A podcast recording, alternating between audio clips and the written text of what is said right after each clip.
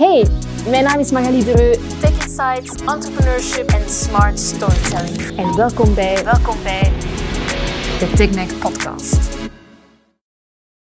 Hey allemaal, uh, welkom in een nieuwe aflevering van TechNack. Mijn naam is Magali Dreu en vandaag heb ik Stefan van Dis bij mij zitten. Hij is trendwatcher, of misschien moet ik net toekomstverkenner zeggen. Ik ga het hem vooral zelf laten vertellen. Welkom Stefan. Goedemorgen Magali. Vertel eens, um, op de achterkant van jouw boek, uh, We, Myself and I, staat er trendwatcher, maar jij noemt jezelf liever toekomstverkenner.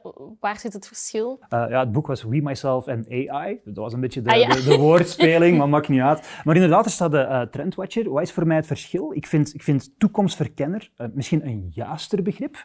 Of tenminste voor mij um, ja, omschrijft dat beter wat ik precies doe. Dus uh, ik heb naar jouw vorige afleveringen gekeken en ik heb gezien dat hier heel veel mensen op deze stoel hebben gezeten die het hebben over uh, uh, digitale transformatie en die daar een, een, rol in opnemen als ondernemer of als consultant.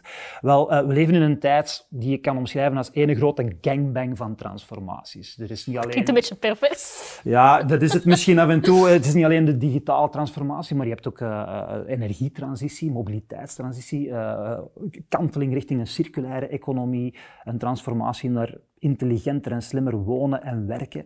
Eh, en daarom noem ik het misschien een gangbang, omdat dat allemaal simultaan loopt en elkaar ook wel kan opheffen. En jij bent dat degene die dan bedrijven daarover gaat vertellen en hen gaat helpen om hun aanbod daar beter op af te stemmen? Ja, klopt, inderdaad. Dus, uh, dus, uh, dus ik begeleid hen doorheen dat proces om, om een zoektocht te maken, om, om eigenlijk een, een overzicht, inzicht en vooruitzicht te creëren en daar scenario's rond te ontwikkelen. En toekomstverkenning voor mij is eigenlijk een instrument. Het is een gereedschap om uw strategie en beleid te verdiepen en te verscherpen.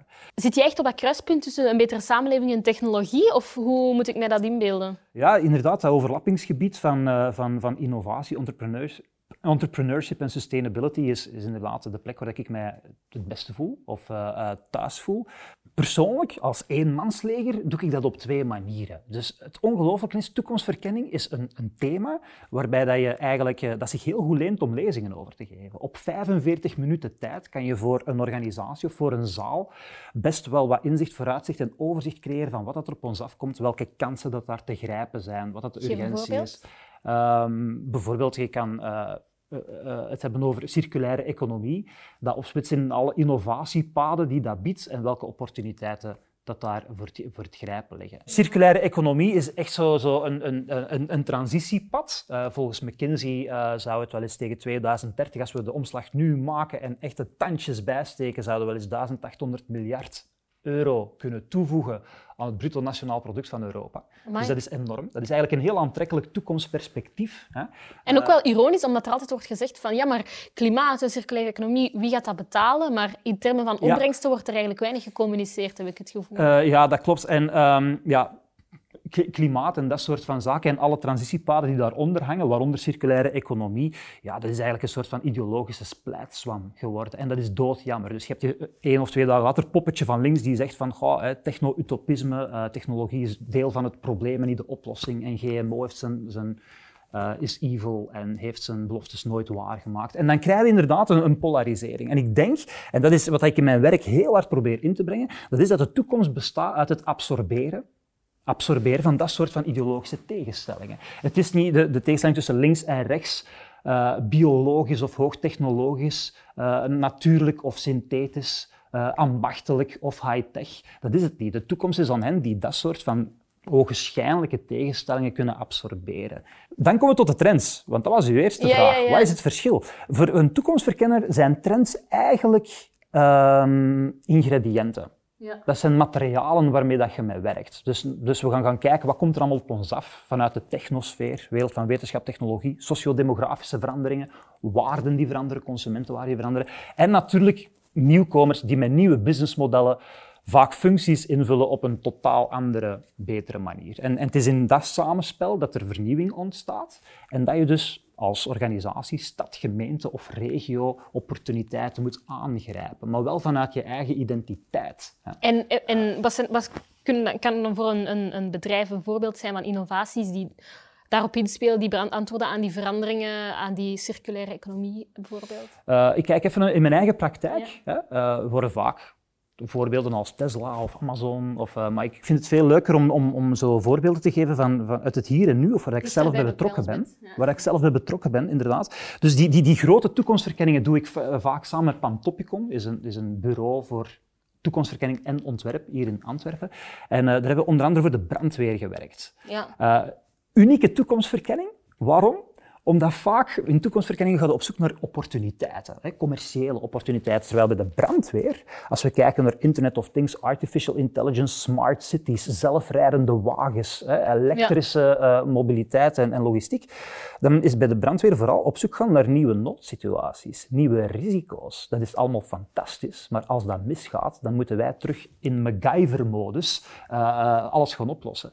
En daarom doen wij aan toekomstverkenning. Daarom is het van kritisch belang dat wij aan toekomstverkenning doen om die uh, kritische onzekerheden. Gaat het dan over zaken als predictive maintenance en zo? Of wat moet ik me daarbij voorstellen? Uh, er wordt zeker uh, nieuwe technologieën worden afgespeurd hè, om, om daar de opportuniteiten in aan te grijpen. grijpen. Je hebt maar een beetje verbeelding nodig om te zien wat dat je met robotica kan doen. Uh, wat dat je met drones kan doen als je de brandweer bent.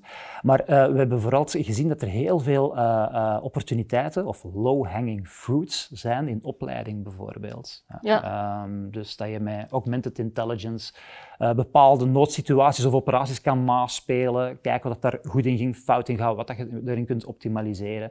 Dat je tijdens het uitrukken rukken, dankzij nieuwe technologie al een hele noodsituatie in kaart kan brengen. Ja. Dat soort dingen. Ja, ja, ja. ja maar jouw boek inderdaad, ook We, Myself en AI. Um, is die AI iets dat we, dat we, waar we al klaar voor zijn eigenlijk? Zijn we daar als maatschappij klaar voor om dat te ontvangen? Want ja, als je de criticasters mag geloven, de jobs worden weggenomen, uh, weet ik veel wat nog allemaal van kritiek dat er... Uh, dat wordt gespuit. Er is ook een soort van, van mediabeeld hè, van, van, van robots nemen onze jobs over. Of erger, AI gaat ons als een nieuwe entiteit, als uh, kakkerlakken verpletteren of als hamsters in een kooi gaan wegzetten. Hè, als een soort van uh, nieuwe soort of zo. Ja, dat is fantastisch voor science fiction. Uh, ik ben er redelijk nuchter in. Uh, maar soms lijkt het wel ook een beetje sci-fi, als je al ziet wat sommige ro robots al, al kunnen. Ja, ja, dat is zeker zo. Maar ik zie het gewoon als, een, als een nieuwe krachtcentraal, een nieuw instrument. Natuurlijk, als mensheid, uiteraard, wij moeten vragen, wat gaan we ermee doen? Hè? Ja, en, en hoe maken we onszelf relevant? Ja, inderdaad. Dus een klassiek voorbeeld, en nu weet ik dat, dat mensen boos gaan zijn, maar bijvoorbeeld als we gaan kijken naar naar, naar, naar Uber of carsharing. Ja. Uh, Uber wordt aangestuurd door algoritmen. Alleen is Uber niet gemaakt om ons te verlossen van verkeersinfarct, maar is gemaakt om geld te verdienen. Dus in een competitieve omgeving, in een stad als San Francisco bijvoorbeeld, waar dat Uber geboren is, zie je dat er niet minder verkeerscongestie is, maar 80% meer verkeerscongestie. En je zegt van, ik vind dat wel een, een, een frappante opmerking, je zegt van dat is omdat Uber heel hard gefocust is op winstbejag hoe kunnen we, zeker als het gaat over dus technologie en, en de nood om maatschappelijke problemen op te lossen, hoe kunnen we die twee met elkaar verzoenen, zodat eigenlijk bedrijven er beter van worden, maar ook onze maatschappij? Want vaak is het het een of het ander, heb ik het gevoel. Dat, is, een, dat is een hele uh, goede vraag. Ik denk dat uh, steden en gemeenten zich bewust moeten worden van uh, dat de... en, ehm, ja, van die organisaties zoals uh, Nexus in Nederland, wat dat dan EAMDIS bij ons is of zo, hè, dus die, die met infrastructuur bezig zijn. Ik denk dat die organisaties bewust van moeten worden dat de, de, de infrastructuur van de 21ste eeuw is niet koperdraad en, en, en gasbuizen alleen, maar is ook een, een, een bovenlaag van artificial intelligence, Internet of Things, uh, blockchain, uh, digitale bovenstructuur. En als overheid je kerntaak is je burgers beschermen, maar toch voor een basisinfrastructuur zorgen. En ik denk dat die daar terug meer een regisseursrol in moet krijgen. De overheid. Om dat soort van neveneffecten te vermijden. Ja. En om ervoor te zorgen dat een burger en de hele samenleving er beter van wordt, in plaats van, met alle respect, aandeelhouders. Hè. Ja, ja, ja. Um, dus uh, dat denk ik dat een belangrijke uh, bewustzijn gaat zijn, dat er heel snel mag komen. Denk je dat we uh, massaal in de val worden gelokt door die technologiebedrijven? Er is afgelopen jaren, afgelopen jaren is er veel te doen geweest rond uh, Cambridge Analytica met Facebook, um, de, de, de, het privacy-verhaal. Alleen al, daar kunnen we hier vijf afleveringen apart van inblikken, denk ja, ik. Um, ook. Hoe zie jij dat? Ik, ik ben daar geen, geen expert in, hè. Ja. Laat, laat dat duidelijk zijn. Maar ik denk, um, ja, uh, de, de, ontwikkelingen bij, bij techbedrijven die, die, die zijn aan een veel grotere snelheid gebeurd. Hè? Uh, een snelheid waar, waarin dat overheden niet konden bijbenen. En daardoor hebben zich excessen voorgedaan. Als we vandaag, ik maak nu een grote bokkensprong naar, naar, naar een andere ontwikkeling die, die, die nu nog in de startblokken zit. En dat is de Internet of Energy. Ja. Dus vandaag is, is, is, is energie, dat is een, een gecentraliseerd systeem. Je hebt, je hebt een, een, kerncentrale en dan gaan er allemaal leidingen naar allemaal de, de verbruikers. En dat is one-to-many. Je hebt een producent, je hebt consument. Ja. Uh, vroeger was het mediamodel eigenlijk een beetje hetzelfde. Hè? Terwijl het internet is, is heel dat model veranderd. Het is many-to-many geworden. En uh, er is een heel mooi toekomstscenario voor de energietransitie die eigenlijk hetzelfde doet. Hè? Waarin dat iedere consument ook producent kan zijn in een multi-commodity smart grid. Hè? En uh, daarin stel je niet de vraag van is het top-down of bottom-up, maar je hebt eigenlijk um, een framework en patchwork, een mainframe en patchwork tegelijk. Dus met andere woorden... In die energy... Uh, in die Internet of Energy. dus je, je, hebt een systeem waarin dat je een, waar dat de overheid een context creëert van, kijk, dit is de basisinfrastructuur, dit zijn de regels, maar vrijheid, blijheid, iedere burger Iedere consument, iedere KMO kan daar zelf met technologie knutselen om, om, om, om, om zijn of haar organisatie of zijn of haar wijk of stadsdeel samen met burgers helemaal te optimaliseren en daar eigenlijk een kleine smart grid in te creëren. Als antwoord op uw vraag van wat is de, de oplossing? Om excessen te vermijden, dat is dat gewoon een overheid haar taak opneemt en een context creëert en afspraken en regels creëert waarin dat eigenlijk een, een markt vrijheid, blijheid in kan gaan floreren. Dus opnieuw, de toekomst is in de handen van mensen die tegenstellingen kunnen absorberen. Het is, het is niet meer overheid of minder, het is niet uh, meer liberalisme of minder. Nee, het is gewoon harmonie, denk ik. En dat lijkt mij ook de toekomst van Europa. Nu, je vertelt daar Internet of Energy.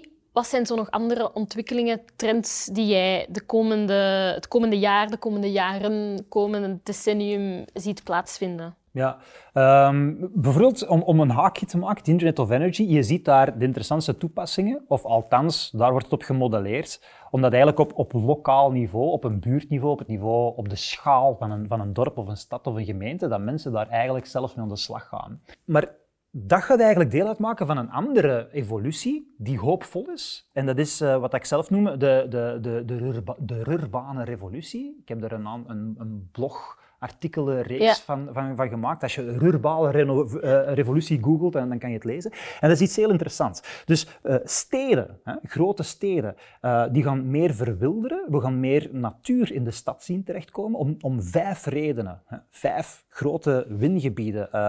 mensen zijn, worden er gelukkiger van. we zien uit wetenschappelijk onderzoek dat eigenlijk mentale en allerlei gezondheidsrisico's naar beneden gaan.